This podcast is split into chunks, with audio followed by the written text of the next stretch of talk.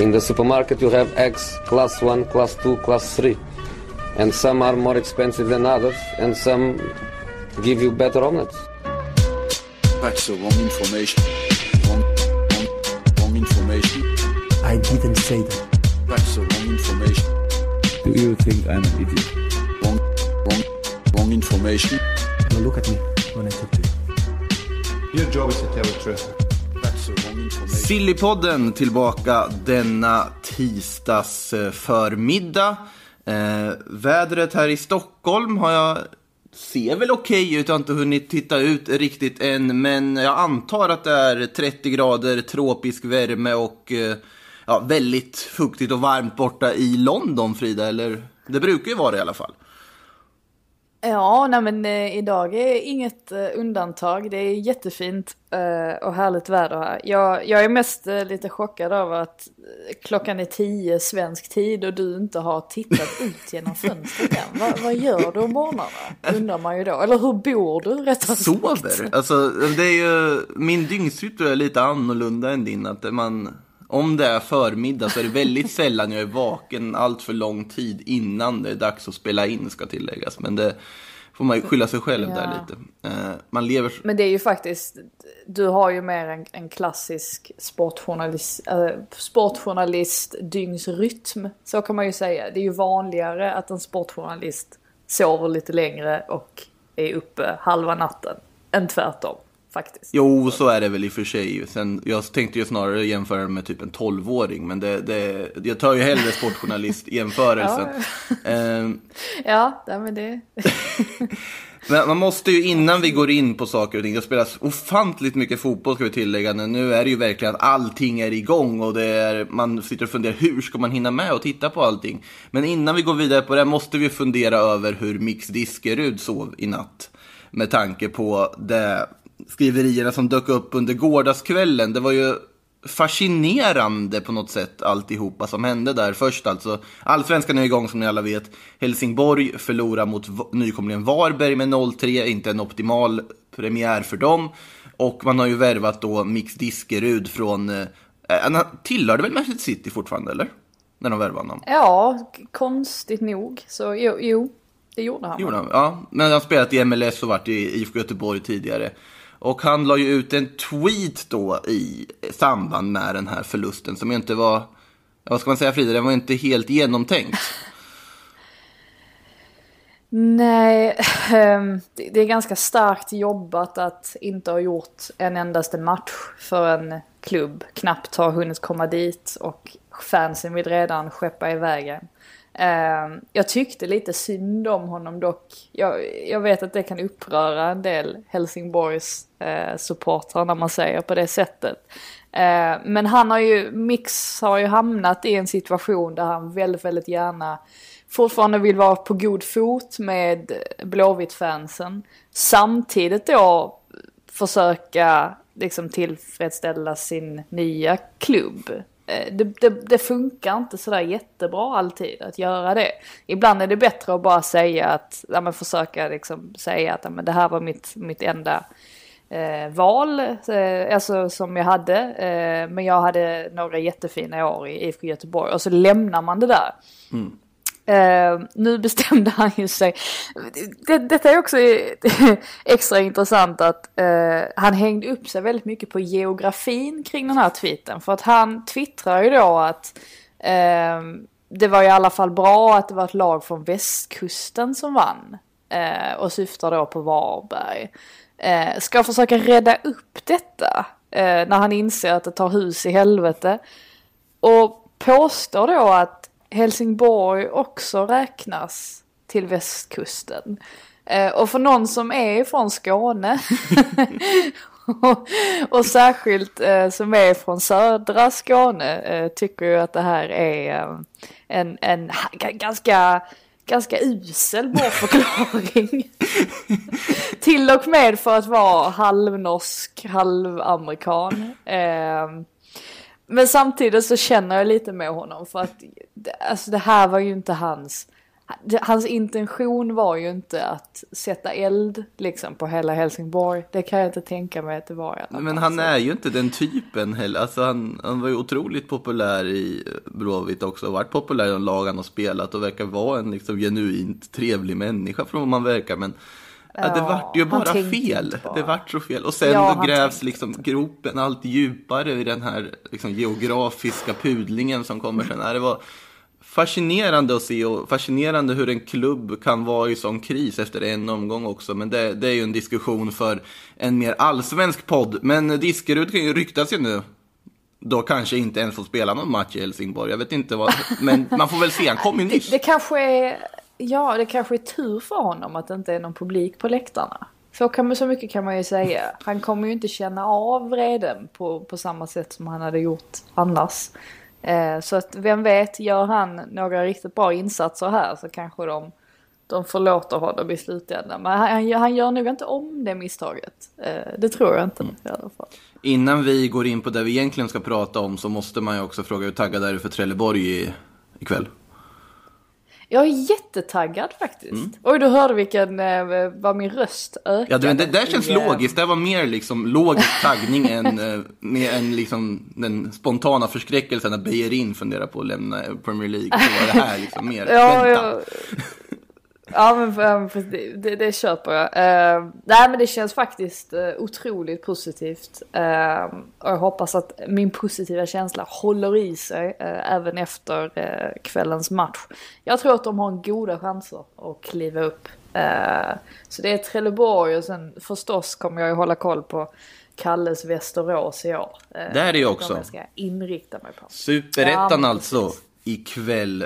Och det är ju väl, det är ju en del av väldigt mycket annan fotboll också som spelas. Tänkte att nu ska väl tillägga här eh, Sillypodden den här sommaren i och med hur det ser ut för er som är nytillkomna och tänker nu ska vi surra transferrykten hit och dit. Det kommer vara lite olika varje avsnitt. Naturligtvis kommer vi surra främst Sillyrykten, men vi kommer även titta på den fotboll som då spelas runt om i Europa nu under den här väldigt speciella fotbollssommaren. Och eh, i La Liga, där har vi faktiskt börjat lira lite. Det har varit en premiäromgång. Hur mycket, nu vet jag Frida att du kanske främst sned hellre på Trelleborg och på Premier League, men hur mycket La Liga har du hunnit se under helgen? Nej men, jag, nej men jag såg en hel Mm. del faktiskt i helgen. Eh, och blev, eh, insåg det också i och med att man varvade det med, eh, med allsvenskan. Så insåg jag att eh, jag håller med Johanna Frändén och dig också eh, har jag förstått i att fake-publik är inte det är, inte, det är inte helt uselt. Det är alltså, ju det är inte ingen det. usel idé. Det är ju nej, inte nej, nej. Det höjer ju, höjer ju tv-upplevelsen något oerhört. Det var nästan så att jag blev lurad faktiskt. Ehm, alltså när, när jag kollade på ehm, eh, Real mot eh, Mallorca var det väl? Ehm, nej, gud, Barcelona mot Mallorca. Ehm, och, och lurades fullständigt. Eh, av att, alltså under några sekunder och, och tänkte liksom inte alls på att eh, det var tomma läktare överhuvudtaget. Det, ja, men det blev en skön kontrast i alla fall. Eh, till skillnad då från när man liksom kollade på på Bayern eh, mot Östersund på Tele2 och jag hade inte ens kommentatorer. Alltså utan det var bara liksom själva matchen. Eh, det kändes ju mer som en, som en match på något sätt. Så att eh, nej, eh, mer artificiellt ljud till folket säger jag. Ja, ja, man hade ju sina frågetecken liksom inför det här, men sen, och eh, även efter den första matchen där Sevilla-Betis, där, där virtuella publiken inte riktigt funkade perfekt och ljudet, ljudet var ju inte på på den sändning jag såg, ska ju tilläggas också. Men sen efter så känns det som att de ändå har lärt sig av det, jobbat lite och att det blivit lite bättre för varje arena de kommer till. Och man, man ser ju ändå att det är olika bra på vissa arenor. Till exempel eh, när Real Madrid Mm. spelade på B-lagsarenan då, Alfredo Di Stefano vann mot Eibar. Funkade otroligt Det var bra. också bra. Det funkar otroligt Ja, bra med de det- färgerna. Däremot när Betis ja. spelade igår kväll, då funkade det katastrof. För att då såg det ut som ogräs på läktaren för att Betis gröna färger liksom skar sig mot den här. Ah, Så jag tror att det var lite med färgerna också. Jag håller med om att Mallorca-Barcelona funkade det också utmärkt. Och Real Sociedad var kanske ett av de bästa exemplen på när det funkar när de tappade poäng hemma mot Osasuna där sent på söndagskvällen. Eh, det är väl det man konstaterar sportsligt också. Att Real Madrid och Barcelona ser starka ut, vinner sina matcher planenligt. Lionel Messi var ganska tydligt på sparlåga i Barcelona, men lyckas ändå få med sig två assist och ett mål från den matchen. Eh, Ja, du, Mm, standardkväll. Standardkväll för Messi, precis. Mallorca såg ganska pigga ut också och eh, för en eh, japan som undertecknad var det väldigt kul att se Takifusa Kubo spela som han göra och, gjorde också. Eh, Valencia, Real Sociedad, Atletico Madrid, alla dessa klubbar tappar poäng och Sevilla följde upp med att tappa poäng nu under gårdagskvällen också. Så fortsatt tight i eh, toppen och alla, alla delar av tabellen. Eller har du någonting du tar med dig förutom fake-publiken från omgången vi har sett Fia? Nej, nej men absolut. Eh, just det här att eh, Real nu är två poäng bakom Barcelona gör ju att den tabellen också lever, vilket är, vilket är kul att se till skillnad då från Bundesliga där det redan är avgjort. Vi hoppades väl lite grann att det skulle bli någon sorts eh, lite tuffare toppstrid där, men när Dortmund förlorade mot Bayern så var det ju, ja, då fick man väl hälsa, hälsa hem, eller acceptera återigen att Bayern eh, kommer vinna i år igen. Uh, nej men så att det, det är väldigt kul. Jag, jag känner ju spontant också att nu är man verkligen, nu är man igång. Alltså det är inte så dumt det här. Alltså för någon som, liksom landslagsfotboll i all ära, men det är ganska kul att ha klubblagsfotboll så här mitt i sommaren på något sätt. Jag vet inte, jag tycker det är ganska härligt att liksom slänga upp fötterna och ta fram iPaden och dra på en match när det är varmt och, och gött ute. Så att jag, jag är inte helt främmande för det här. Eh, tycker vi kan fortsätta på detta upplägget kanske. L- vi lägger ner VM och EM. Det är, li- det är lika bra. Så nu har vi bara det här. Ja, varför inte? varför inte? Nej, men det är ju faktiskt så att alltså, nu är det ju speciellt med mästerskap, men annars under säsongerna då är det ju, åh nej, det är landslagsuppehåll, vad ska vi göra nu då? Lite så, så att, och nu har vi ju inget sånt. Nu har vi ju bara vår klubb, klubbfotboll varenda dag. Vi får se om vi kommer tröttna på den lite. Du nämnde ju Bundes, ska väl nämna det att ikväll kan ju faktiskt Bayern München inte bara vad det verkar bli mästare, utan faktiskt bli mästare på riktigt om man besegrar bottenlaget Werder Bremen på bortaplan. Och det känns väl som att Bayern borde lösa det och kanske få fira in den här Bundesliga-titeln ikväll. Ja, nej men absolut. Eh, som sagt, Dortmund hade ju, hade ju chansen där. Eh, men eh, de har sett ruggigt starka ut under, under våren. Eh, och det, det märkte man ju inte minst också när de, precis innan pausen där, när de liksom krossar Chelsea på bortaplan. Eh, och visar verkligen att de är en storlek större. Eh, jag tycker det ska bli otroligt spännande att följa dem i, i Champions League. Eh, nu i augusti blir det väl beroende på Lissabon är det väl snack om att de ska hålla Champions League. Eh, finns väl alla de, möjliga alltså de resterande idéer. matcherna. Ja det kanske, ja det var väl någon, eh, någon tysk stad också. Nu vågar jag inte säga vilken det var som också var sugen på att arrangera det. Men Lissabon är nog det man har hört starkast, eller mest om i alla fall. Ehm, så att eh, jag tycker liksom att Bayern är ju en jättestor favorit där. Ehm, just för att de har, de har sett så starka ut. Spännande, pikt lag. Jag instämmer helt och hållet där att eh, Bayern ser ju ruggigt starka ut under Hansi Flick här nu. Och eh, jag har svårt att se att de inte skulle fixa tre poängarna de behöver ikväll. Det är ju faktiskt bara tre omgångar kvar av Bundesliga. Så fort har tiden gått att den är snart slut. Så snart är de liksom Ja. klara och öppnar sitt transferfönster och så vidare och är redo för nästa säsong. Det går snabbt ändå, när man väl drar igång. För det känns som att det var nyss man startade. Premier League däremot drar ju faktiskt igång redan imorgon. Lite med några hängmatcher. Hur, hur taggad är du på det Frida? Det, det, det kan jag tänka mig också. Det är stora dagar för dig nu. Trelleborg först och sen PL dagen efter. Ja. Nej men det är så att tårarna bränner bakom ögonlocken lite grann. Eh, som att ens kall i livet har liksom kommit tillbaka till en. Eh, och det värsta är att jag överdriver inte ens.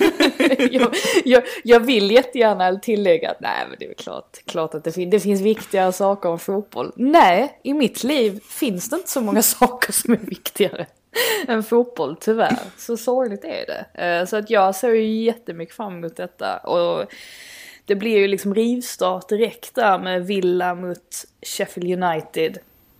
Som ju är väldigt, väldigt viktigt för Villa. Ehm, det kan ju liksom, jag vill inte säga att det kommer, det är så tajt där nere i botten så jag vill inte säga att åh, det kommer, kommer avgöra allt, men det kommer avgöra mycket tror jag, eh, hur det går i den matchen.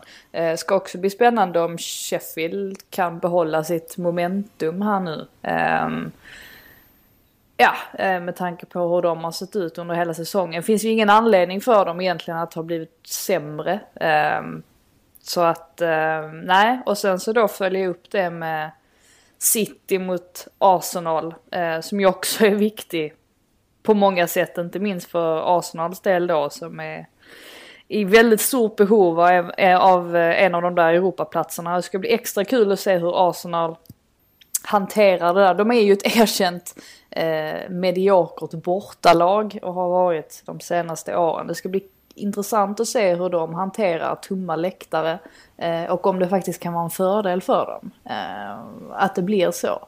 Inga buande åskådare liksom som kan påverka dem på något sätt utan det är bara det blir bara fotboll. Sen samtidigt så, jag menar City har ju fått tillbaka en massa spelare och sådär. Inte minst Laporte och man har ju till och med Sané nu eh, tillgänglig. Så att eh, det blir ju ingen enkel match oavsett om det är folk på läktarna eller inte. Nej. Det är så svårt att bedöma också som vi har sett i de andra ligan som startat upp vart egentligen lagen ligger rent formmässigt. För vi har Ja, ju faktiskt inte det. sett dem spela. De har ju haft lite träningsmatcher under, inför stängda, i stängd miljö här mot andra lag.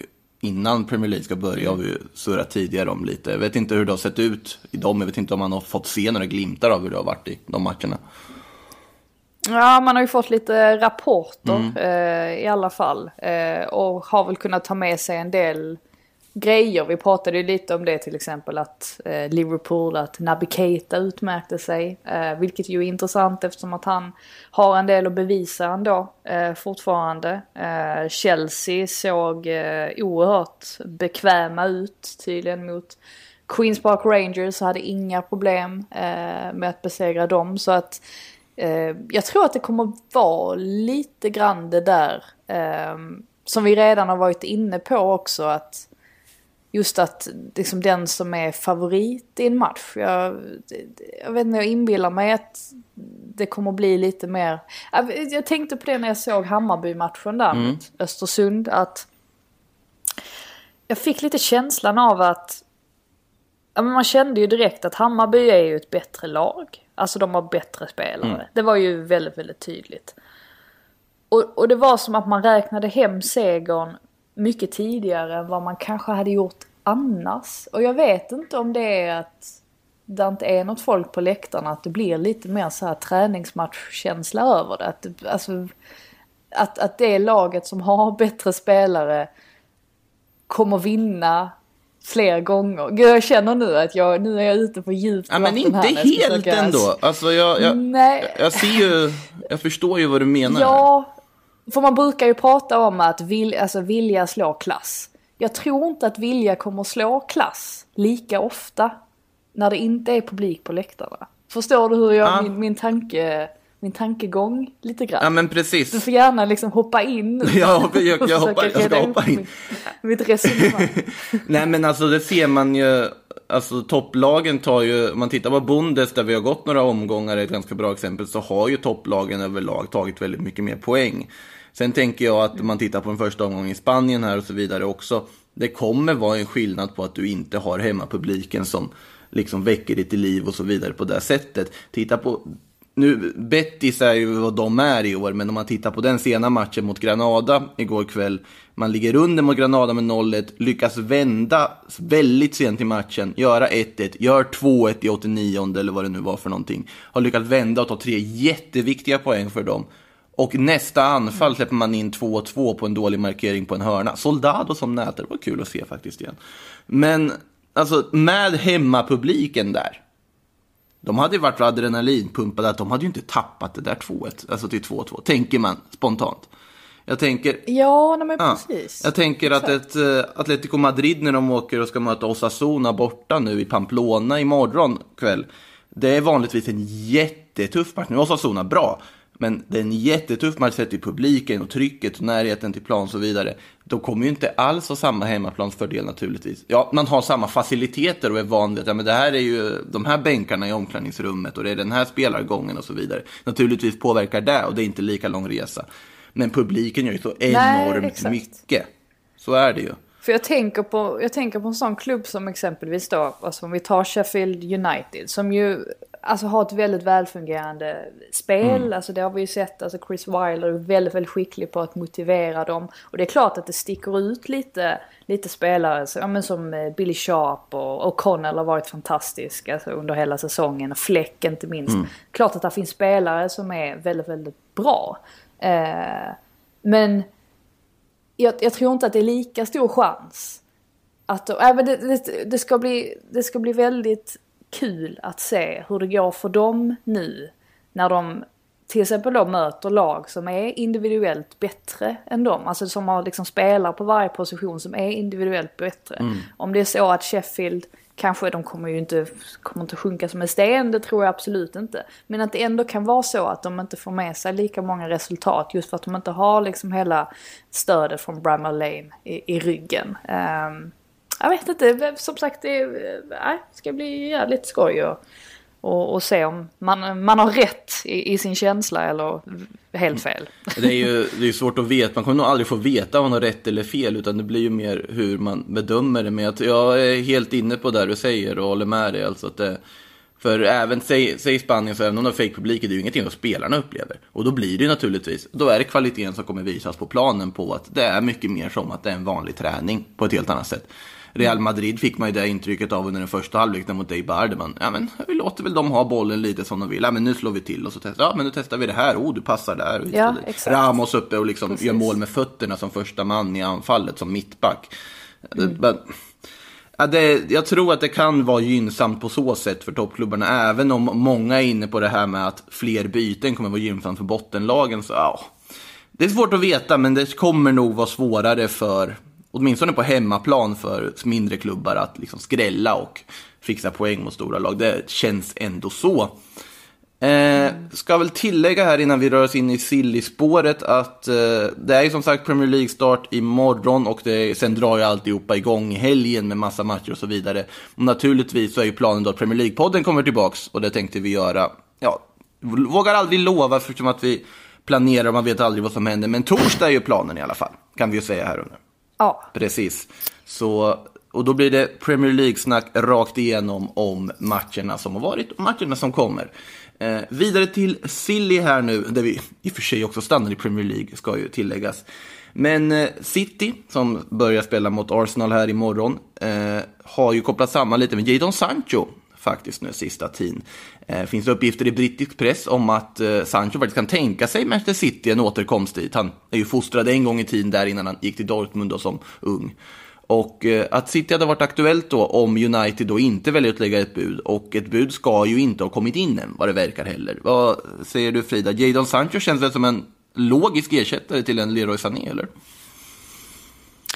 Ja, nej men absolut. Och såklart så, eh, man har egentligen bara, eh, eller för egen del har jag bara suttit och väntat på det här ryktet lite grann. För att det är klart att han fortfarande har mycket kontakter i, i klubben säkerligen. Och, eh, nej men många människor han, han känner så att säga. Och har ju bott många år i Manchester och, och sådär. Så att det är väl ganska naturligt att ryktet dyker upp. Eh, det är ju frågan nu vad som kommer hända med den här prislappen. Ehm, det smartaste egentligen för Dortmunds del vore ju ändå att sälja honom kan man tycka.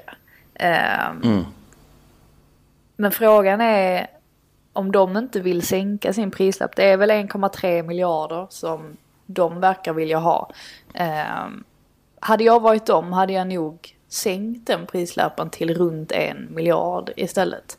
Eh, jag vet om att han är extremt lovande. Eh, och det är ju såklart mycket möjligt att han liksom bara kommer bli, eh, alltså att han kommer explodera kommande säsong.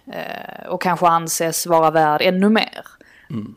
Men jag, jag tror att under rådande omständigheter så hade jag sett till att, att sälja honom för lite mindre. Och då kanske United hoppar på det igen. För att just nu är det väl det som ehm, verkar skava lite att Alltså just prislappen är lite, lite för hög eh, för att de liksom ska eh, klippa honom direkt. Så att eh, nej, det, blir det blir väldigt eh, spännande att följa det där. Eh, var han hamnar egentligen. För att det verkar ju som att han själv är, är sugen i alla fall på att eh, flytta hem igen. Ja, alltså om vi säger så här att om det här uppgifterna om att United skulle ha erbjudit en miljard för hans Fati skulle stämma så ska, har de ju alltså med andra ord en miljard de skulle kunna lägga på en Jadon Sancho, vilket de borde lägga på en Jadon Sancho om de pengarna Ja. finns.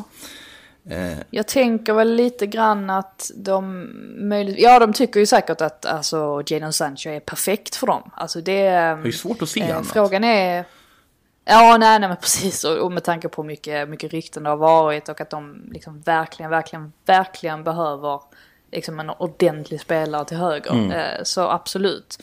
Men ehm, det kan ju vara så att de, de även prioriterar eh, det här med att försöka få in Koulibaly som inte är speciellt billig heller. Miljard där också. Ehm, är det ju. Mm, ja, ni är 850 väl eller någonting sånt i alla fall. Men det är ju, det är ju en hel del. Ehm, så att nej, det, det blir... Det, jag vet inte om det kommer bli så, eller antagligen så avvaktar väl de flesta här de här kommande fem veckorna nu liksom, så att man bara spelar färdigt säsongen. Sen lär det nog röra på sig ganska snabbt igen, för jag menar ligan drar igång igen i september så att ska man göra business måste det ju ske. Och Bundesliga tar väl tar ju slut här precis som vi var inne på ganska snart. Så att, ja men det, det lär nog hända saker eh, kommande veckor i alla fall. Ja. Eh, när vi ändå är inne på, det var ju City-kopplingen där på Sancho från början. Eh, David Silva, han blir ju kvar i City när han skriver på, ska väl skriva på, eller jag vet inte om han har gjort det här på pappret redan, ett kontrakt som täcker resten av säsongen, så här korttidskontrakt. För hans kontrakt skulle ju ha gått ut här nu i juni. Eh, och då pratas det nu om att det ska bli Al Duhail i Qatar som nästa anhalt för David Silva. Det pratas om Milan, det pratas om flytt hem till Spanien och Las Palmas eller Valencia och allt möjligt. Det pratas om Inter Miami. Men enligt Mondo Deportivo är det alltså Qatar och Al Duhail som ligger närmast. Måste man väl säga att det är ju lite trist. Alltså om, om det skulle bli så. Ja, Nej, men det, det håller jag med om. Eh, verkligen. Jag hade eh, verkligen velat se honom i, i Valencia igen. Eh, Ja, utan tvekan. Det hade varit lite, ja, det precis som du säger, alltså lite, lite mysigare slut på en fantastisk karriär. Eh, och han verkar ju vara en så fantastiskt god kille också, så man vill, jag vet inte, man, man unnar honom också ett väldigt fint slut.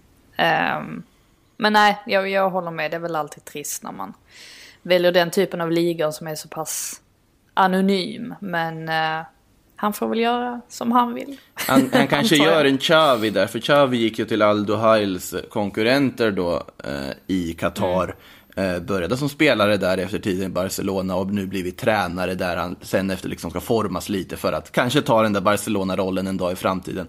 Jag vet inte vilka tränarambitioner David Silva har, men sett till Spanien och spanska spelares koppling till den katariska fotbollen, också det katariska landslaget som är otroligt Spanien orienterat. Det är väldigt mycket tiki-taka, det är väldigt baserat på Barcelona-modellen, hela deras liksom, ungdomsverksamhet i Qatar.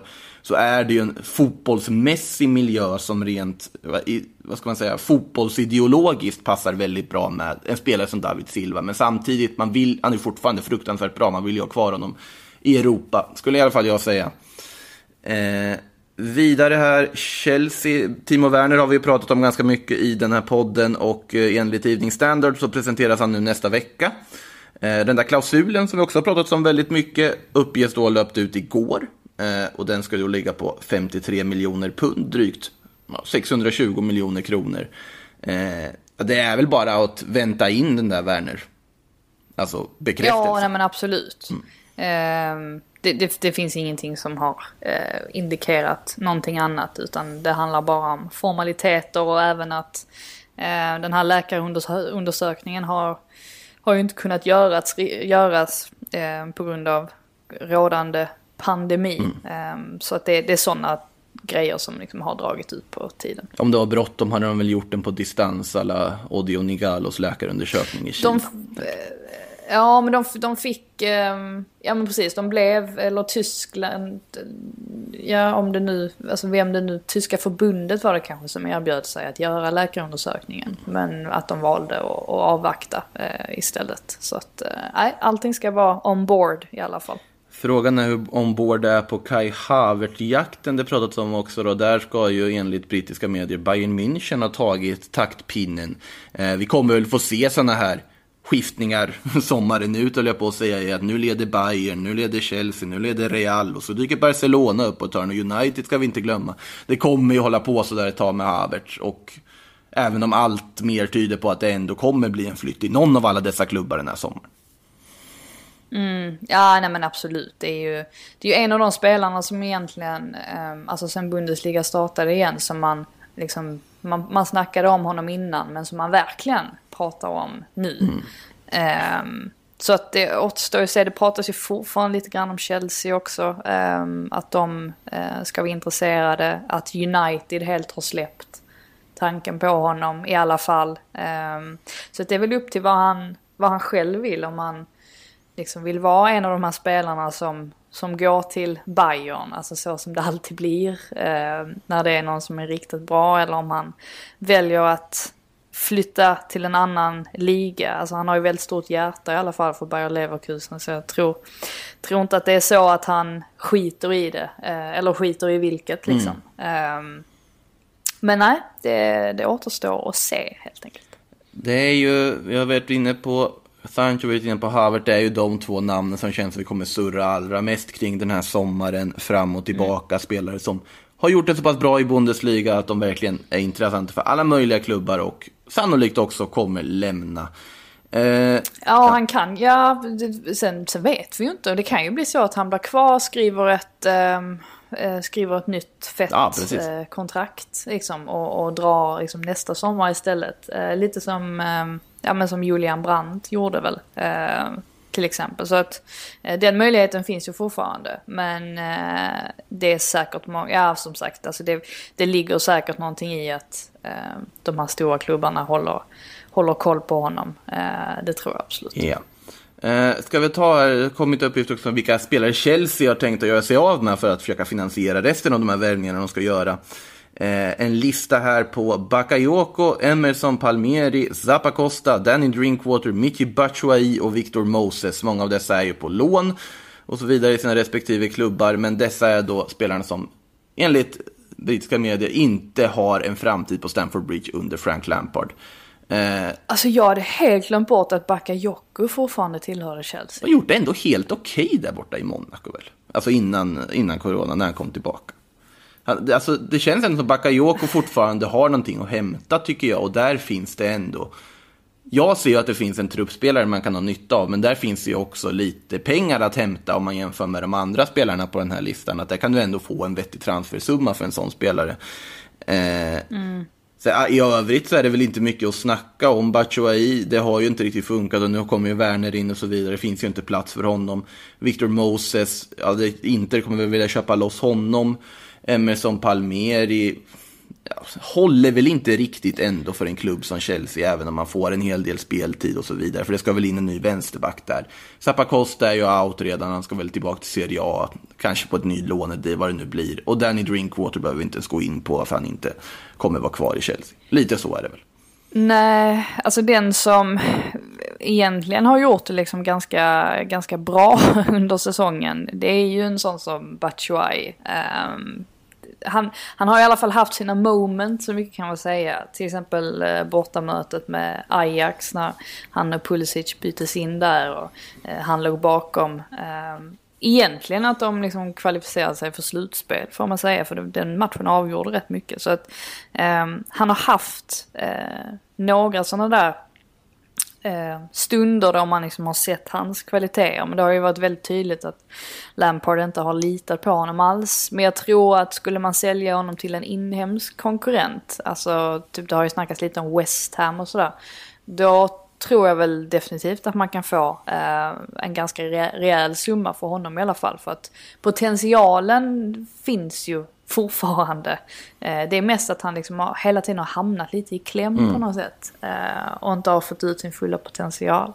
Eh, men ja, och sen en sån som Emerson som ändå har spelat ganska mycket under säsongen. Han har ju liksom aldrig riktigt... Jag vet inte, det har inte heller riktigt klickat för honom på det sättet. Han har visst, han har gjort några bra insatser men det känns som att det alltid är någonting som har saknats. Så att det, det är inget, inget som är förvånande egentligen att någon av de här spelarna ja, skeppas iväg. Batshuayi har ju haft ett tufft år när man ser till hans liksom primära målsättning med fotbollskarriären också. Han har inte fått några bra specialkort på Fifa i år överhuvudtaget heller. Den, nej, men han har ju, det var ju en fantastisk grej han, han sa där att some players play for trophies, some players play for fame, bla bla, I play for my next special card on foot. Var det någon gång han, han tweetade ut. Det är liksom det hans primära målsättning var som fotbollsspelare. Att få riktigt bra kort på liksom Fifa Ultimate Team. Eh, Fantast, fantastisk ja, inställning. Problemet är ju att Ja, och problemet är ju att han är ju ganska gammal nu dessutom. Alltså 26 år, visst, alltså det, det, det, det tar emot eh, att jag liksom hävdar att 26 är, är gammalt. Men jag bara menar att han har ju kommit förbi det här stadiet där man liksom är, eh, är ganska spännande och ung och lovande. Och egentligen så börjar han ju liksom gå ifrån den här, eh, han har potential-kategorin också lite grann. Mm. För den försvinner ju också så småningom. Så att eh, är det är ju verkligen dags för honom att hitta en klubb där han ja, men kan slappna av lite mer. Eh, det tror jag han hade behövt. Ja, eh, man är förvånad. Jag minns när han skulle gå till Valencia och tänkte att det här kommer bli så fruktansvärt bra, sa jag innan. Och det vart ju så fruktansvärt dåligt istället. Eh, ja. det, det, det, var, det, var lite, det var man helt ute och cyklade. Något som sannolikt blir bra det är däremot att, eh, för Sheffield Uniteds del, att Dean Henderson blir kvar resten av säsongen. Det kändes ju som bara formaliteter där, men de har ju bekräftat där att han blir kvar i eh, Sheffield United på sitt lån över den här förlängda säsongen. Men därefter så har ju då enligt Sky Sports ska tränare Chris Wilder bekräftat att Henderson återvänder till United efter säsongen för att konkurrera med David de Gea om första spaden i målet där. Och Ole Gunnar Solskjaer har ju också pratat om Henderson som en framtida landslagsetta och framtida United-etta. Eh, man undrar ju direkt då, alltså ska de spela de Gea och Henderson i truppen till nästa säsong eller är det de Gea som kanske rör på sig? Um, alltså jag tycker att man hela tiden hör, um, alltså man, man får ta del av information som, som motsäger sig, mm. uh, eller vad man säger. Um, jag tror ju att Henderson kommer att lånas ut ytterligare en säsong. Du tror det? Till Sheffield United i slutändan. Ehm, och att um, de Gea då liksom gör en sista säsong lite grann som, som första målvakt. Um, jag vet att Goal har skrivit mycket om det. Till exempel att eh, det är så det, det kommer att bli. För jag, jag, kan inte riktigt se det här att de Gea skulle acceptera att vara andra målvakt eh, i Manchester United. Jag, jag har väldigt svårt att se det. Um, men jag vet inte, man, man får väl se liksom vad... Um, ja, vad som sker. Men, mm. men jag, jag skulle tippa på att det är så det kommer att bli. Um, I alla fall. Ja. Eh, om vi ska vidare till, eh, nu är vi kvar i England där fortfarande, men det är ju där det faktiskt surras mest just nu känns det som. Eh, Arsenal, så har vi faktiskt lite konkreta citat här angående Pierre-Emerick Aubameyangs framtid. Eh, till att börja med säger Pierre-Emerick Aubameyang själv att eh, jag har inte fått några bud riktigt och nycklarna ligger hos Arsenal. Vilket man ju är intressant, det kan man tolka som att ja, men det är ändå möjligt att han kanske kan tänka sig skriva på ett nytt kontrakt om det är lukrativt nog och eh, tillräckligt bra. Eh, och Arteta. Ja. Men du kan få bryta in där först om, ja, men bryta in om Aubameyangs eh, ord där först.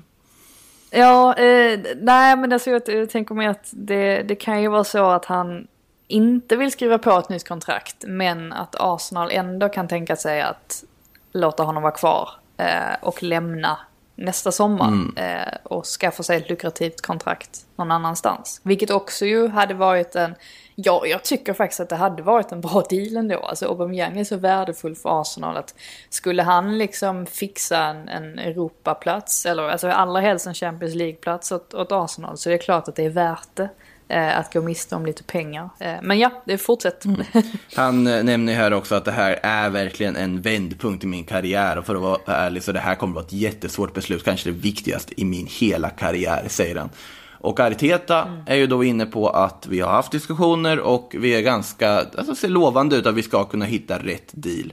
Och att det är vårt ansvar att han ska känna att detta, att just Arsenal, att förlänga med dem, är rätt steg i hans karriär.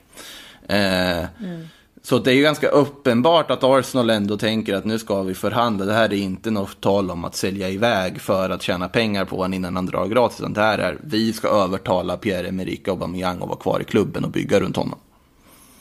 Ja, för de vet ju att de, de kommer inte kunna hitta en spelare som honom. Alltså för ett, liksom, ett, ett pris som de kan betala. Eh, helt enkelt. Så att jag eh, tycker att det är helt rätt att göra allt för att försöka hålla honom kvar. Eh, jag hade skeppat så många spelare som möjligt bara för att få, bara för att få ha honom kvar.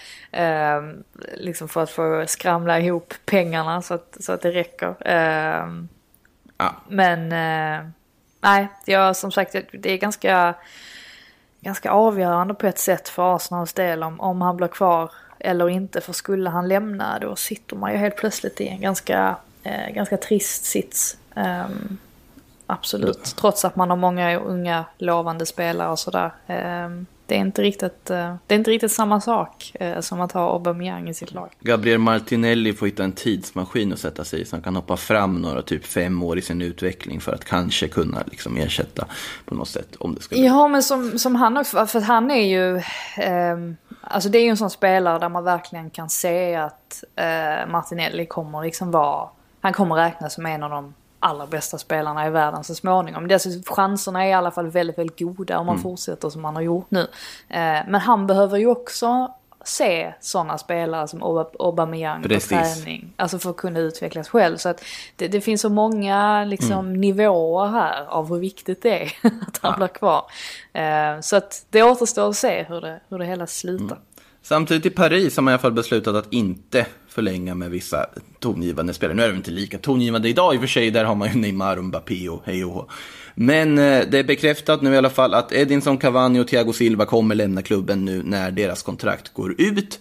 Däremot så har sportchef Leandro, eller eh, Leonardo sagt att han vill behålla Thomas Monier, Laivin Kursava och Erik Maxim Choupo-Moting. Man blir ju lycklig av att se att de vill behålla Choupo-Moting eh, ändå på ett eller annat sätt. Eh, nu kan ju mycket väl alla de där tre också lämna, men oavsett så det är ju en rejäl ombyggnation som verkar ändå pågå i Paris. Även om de också påpekar att vi kommer inte ha jättemycket pengar att värva spelare för. Deras säsong avbröts ju, det var väldigt mycket intäkter som försvann där i tv och matchintäkter som out. Så att det blir inga miljardvärvningar från Paris håll i alla fall den här sommaren. Frågan är, hur ser du på den truppsituationen som är här med Cavani och Thiago Silva bort till att börja med? Ja, nej men precis. Och sen så såg jag väl alltså, så sent som idag att Munier ryktas till Tottenham. Eh, att eh, de ska eh, diskutera med PSG eh, om honom. Eh, vilket, ja. Då kan vi diskutera med Monier direkt. Hans kontrakt är ju ute, det är bara om vem inte prata med PSG, då höll jag på att säga.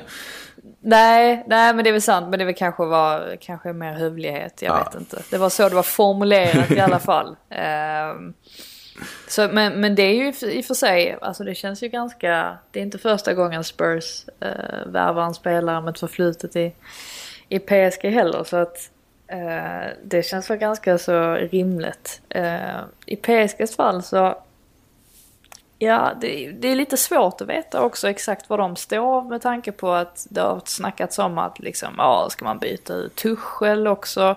Eh, eventuellt, eh, Allegri var det väl som ryktades dit.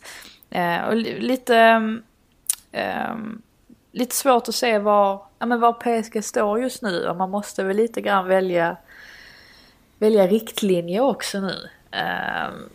Kring hur man ska fortsätta framåt. Eh, för som du säger, det är ganska, ganska stora spelare ändå som, som försvinner. Alltså det är ju ledar, det är ju ledartyper.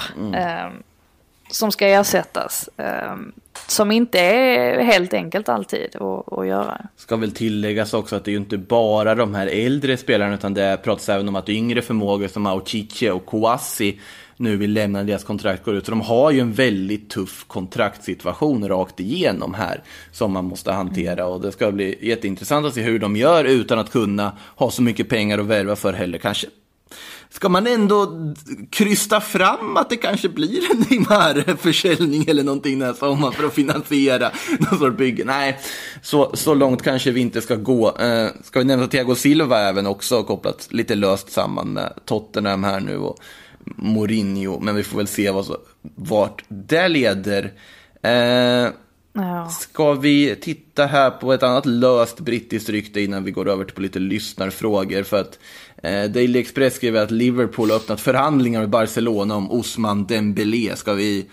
Det, det känns ju logiskt om de vill ha in en ytter och konkurrera och så vidare, men vi kan väl skjuta ner det där ryktet ganska direkt med tanke på att de kommer inte lägga en miljard på honom, eller?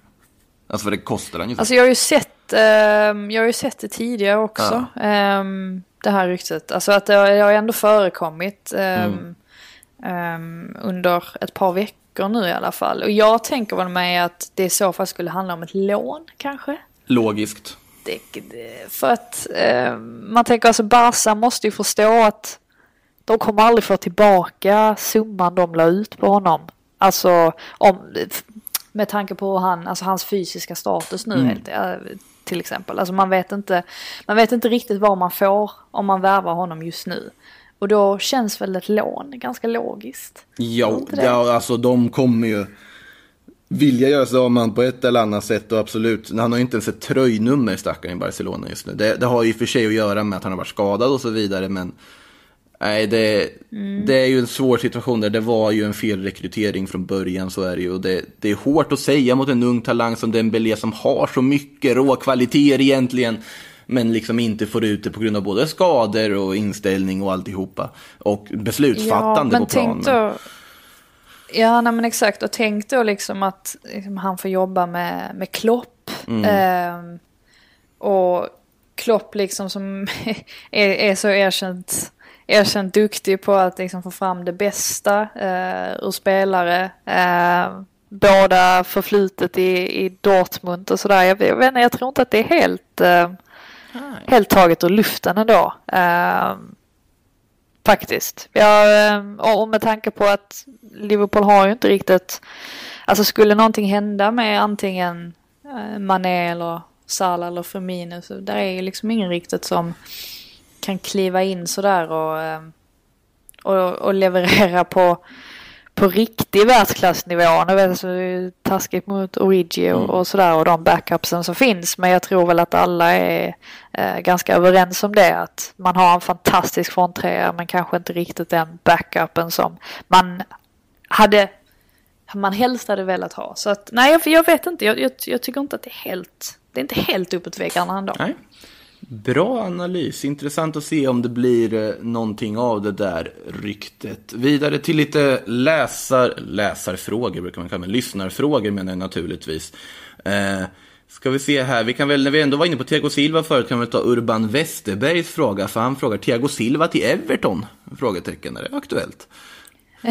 Ja, men det är de, de vill ju alltid värva mittbackar så att eh, varför inte? Jag tror att Everton, eh, eh, deras prio är väl framförallt eh, mittfältet. Eh, Därav de här liksom, kopplingarna mellan Rabiot och, Ja. och klubben. Eh, jag tror att det är det, det man prioriterar just nu. Man har ju två fantastiska anfallare i alla fall. Ehm, och ehm, ja, man har värvat väldigt många mittbackar senaste, de senaste åren. Inte nödvändigtvis att, eh, rätt mittbackar men, men, heller, men det är en annan sak. Nej, precis. Men vem vet, alltså um, känner man att man kan få till en bra deal så Ja, han är ju en Är ja, det en bra kontrakt som om Thiago Silva går med på ett inte allt för långt lukrativt kontrakt, då hade det ju varit en lysande förstärkning för ett sånt lag. Få in en sån mittback med den tryggheten som Thiago Silva har i det här försvaret. Och sen med Ancelotti som tränare så kan man ju säga, Mm. Dra den här, han har ju lirat med Ancelotti förkopplingen till i princip halva fotbollsvärlden med tanke på Ancelottis CV. Eh, vi kan väl fortsätta här lite ändå på Thiago Silva-spåret. Eh, Emil Dahlgren frågar, var hamnar Thiago Silva och Cavani då? Är det fortfarande Milan respektive Atletico som är hetaste spåren? Och var hade ni helst sett att de hamnade? Eh, jag skulle nog säga att just Milan och Atletico både känns ganska heta spår och jag hade väldigt gärna sett dem hamna där också. Faktiskt, skulle jag säga. Jag vet inte vad du säger Frida. Nej, nej, jag eh, håller, håller med. Enkelt. ja, men det är så svårt.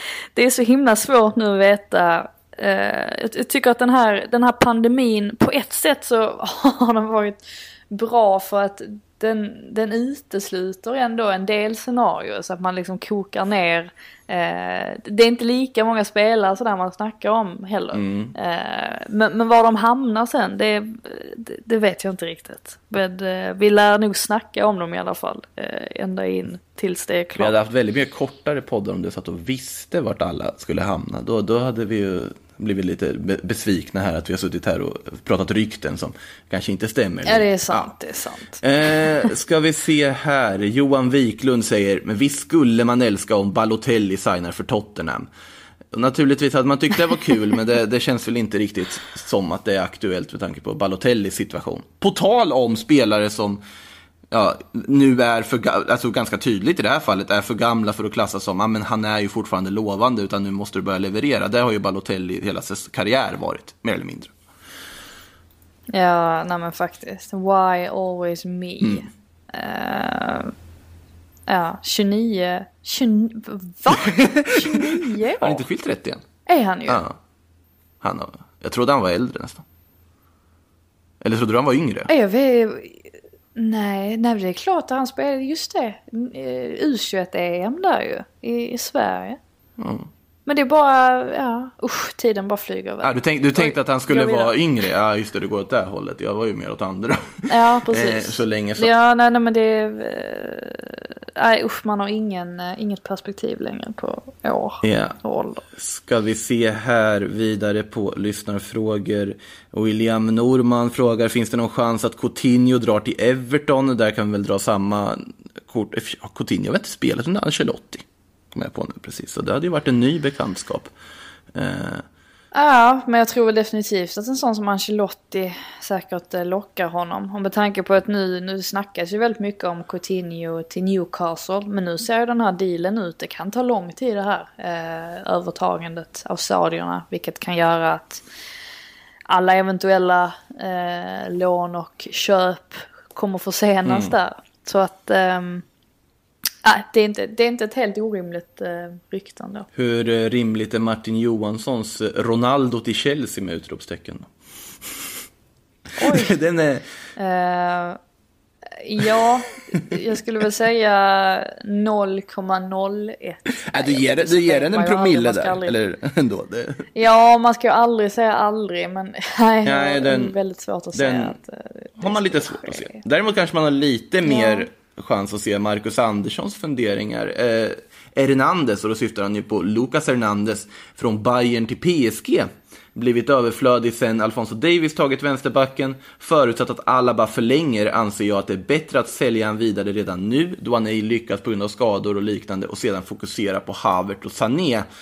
Eh, jag skulle väl säga att med tanke på Lucas Hernandez fungerar som mittback i det här laget också, du verkligen behöver ha in en mittback, så är det snarare fokusera på Havert, Sané och Upamecano, får man väl lägga till där då, eller någon annan mittback, för det behövs ju få in någon sorts försvarsspelare i det där laget också.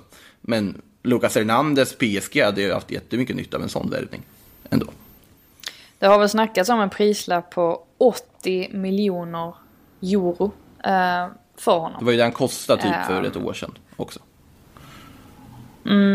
Ehm, och alltså, pff, om man tänker liksom, ja, om man försöker sätta sig in i hur han själv känner så är det ju inte så konstigt att han möjligtvis vill lämna då. Ehm, han känner väl, alltså det är klart att han vill, han vill spela och han vill vara, vara första val och sådär. Så att, eh, ja, det kan nog ligga någonting i de här PSG, det har ju kommit också liksom konkreta PSG-rykten så att det kan väl ligga någonting i det. Eh, three buckets of fish fråga. Vi behöver lite Pogba-uppdateringar. Stannar han, nytt kontrakt eller drar han? stannar väl tills vidare eller vad det verkar. Nu, ja men precis nu börjar man ju liksom ehm, förbereda sig på att han att han st- stannar helt enkelt. Ehm, det har ju snackats om att när United har um, liksom försökt få loss andra spelare, att man har sagt då att ja men eh, Pogba, liksom, eh, om vi hittar en köpare för honom så, så kan vi liksom få in den här spelaren istället. Men skulle man inte hitta någon köpare då, då blir han väl kvar. Och som sagt, man kanske ska ge honom liksom en till chans nu i och med att han får chansen att spela med, med Bruno Fernandes och, och se hur det fungerar eh, innan man skeppar honom helt för att vet att vi, vi snackar om den här potentialen som finns i honom liksom vecka in och vecka ut. Men den finns ju där. ehm, helt klart. Så att ehm, jag tror i alla fall att man, man kommer väl avvakta de här veckorna här och se hur han, hur han sköter sig eh, innan det tas ett beslut. Men det kan ju ändras snabbt också. Det vet vi ju Och, sen tidigare. ja, och jag lider ju samtidigt då med Donny van de Beek som sitter där. Förra sommaren så var det Real Madrid han skulle vara klar för. Men Real ville ändå ha Pogba och sen i slutändan vart det ingenting om någonting. Nu så är det United som han kopplas fram samman med. Men då måste ju kanske Pogba lämna om Donny van de Beek ska vara aktuell. Så han sitter där och väntar på en velig Pogba i liksom varenda transferfönster, stackaren, samtidigt som han sitter kvar i Ajax. Ja, Ja, det känns väl som att eh, liksom eh, Sancho då är, är väl en prio för United. Men Koulibaly också borde, borde väl fortfarande vara eh, ja, ganska viktig för dem att, att få loss. Eh, möjligtvis. Nu har man inte hört så mycket de liksom, senaste veckan i alla fall om det. Och han ryktas, Koulibaly ryktas ju fortfarande till typ alla klubbar som finns. Men ehm, det, det är väl rimligast då i så fall att de kanske mest kikar på de positionerna istället Ja. först och främst. Eh, ska vi avsluta med att leka lite sportchef tycker jag. David Cohen säger, ni är Florentino Perez. Han är i och för sig ordförande och inte sportchef, men han är väl typ någon sorts allt i allo kan man väl säga. Sett till att de inte har någon sportchef i Real Madrid. Eh, men i alla fall, ni är Florentino Perez och har två miljarder att spendera. Vad köper ni? Ja, det är ju din, det är ju din fråga. Ja, men eh, ge det frågan ändå här som man ska göra liksom. Så det var för bra. Nej, men eh, ja, vad ska man köpa? Det beror på om Kylian Mbappé kostar två miljarder eller inte. Man skulle få honom. Men det, han skulle ju kosta mer än så. Eh, och det beror ju på truppen. Jag antar att han syftar på Real Madrid. Och då skulle jag säga i det här läget två miljarder. Eh, Harry Kane Nja, tvek. Eh, sägs vara värd två miljarder och Spurs är ju i behov av två miljarder också. Det är ju skitbra. Win-win för alla. Nej, jag skulle säga ta, ta Kai Havertz eh, före någon annan. Lägg de pengar som krävs på honom och sen så spara pengarna på hög tills Kylian Mbappé är klar. Eller tillgänglig. Eller en Golo Kanté i och för sig som faktiskt har kopplats till Real Madrid lite nu. Hade ju inte varit helt dumt att få in där heller på mittfältet. Men du, du är inte sugen på Martinez tänker jag? Alltså, Lautaro? Ja, Ja. Inte i sett till hur Real spelar. Då känner jag snarare att i och med att det här... Alltså i, mi, i min värld så känns det som att Kylian Mbappé till Real Madrid är lite som den här följetongen Cristiano Ronaldo till Real Madrid var för tio år sedan. Att man pratar om det hela tiden hit och, hit och dit. Det känns inte som att det ska vara möjligt riktigt. Men att man på något sätt ligger i någon sorts gemensam konsensus att förr eller senare kommer det ske. Frågan är vilken sommar. Och lite så ser jag med Mbappé, att han kommer komma in förr eller senare. Jag har otroligt svårt att se att han inte skulle göra det. Någon gång. Ja, nej, jag säger inte emot dig. Mm. eh, faktiskt. Um, särskilt inte nu uh, i och med pandemi. Alltså undrar hur många gånger man säger pandemi. Det, det är ett i- ord man har börjat använda väldigt mycket oftare på senare tid. Kan ju vara för att vi är i en pandemi också, men Ja, så är det. Eh, det precis. Ja, med det där sagt, eh, med, med de lite dystra orden får vi säga att vi faktiskt är i en pandemi fortfarande, så sätter vi punkt för detta. Vi är väl tillbaka med eh, lite PL-podd förhoppningsvis på torsdag, och torsdag så blir det även en lite mer Serie A-special här på Sillypodden. Serie A börjar ju också nu till helgen, så missa inte det. Det blir mer poddande här innan midsommar, så ni har något att lyssna på där under era respektive socialdistanserade midsommarfiranden. Eh, Frida, jättekul att du ville vara med och ha en fortsatt trevlig eh, tisdag är det ju. Och eh, lycka till till Trelleborg Tack borta på detsamma. Örjansvall också. Ja, det ser vi fram emot. Rivstart direkt. Grymt. Ha det gott till dess. Hej då. I think I worked for 16 years here in England, and I deserve a bit more credit than wrong information.